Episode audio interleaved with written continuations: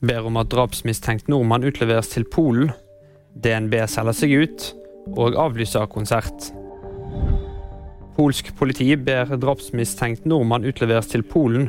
Påtalemyndigheten i den polske byen Oswiecim fikk medhold i retten til å be om å få utlevert den drapsmistenkte nordmannen fra Danmark til Polen gjennom en europeisk arrestordre.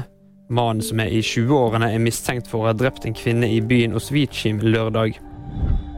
DNB fryktet brudd på menneskerettighetene, besluttet å selge seg ut.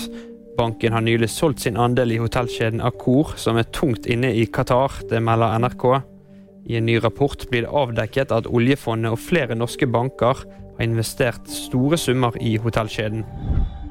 Artisten Musti avlyser konsert. Den 21 år gamle rapperen og sangeren skriver på sin Instagram-profil at hun avlyser neste ukes konsert på Sentrum Scene i Oslo.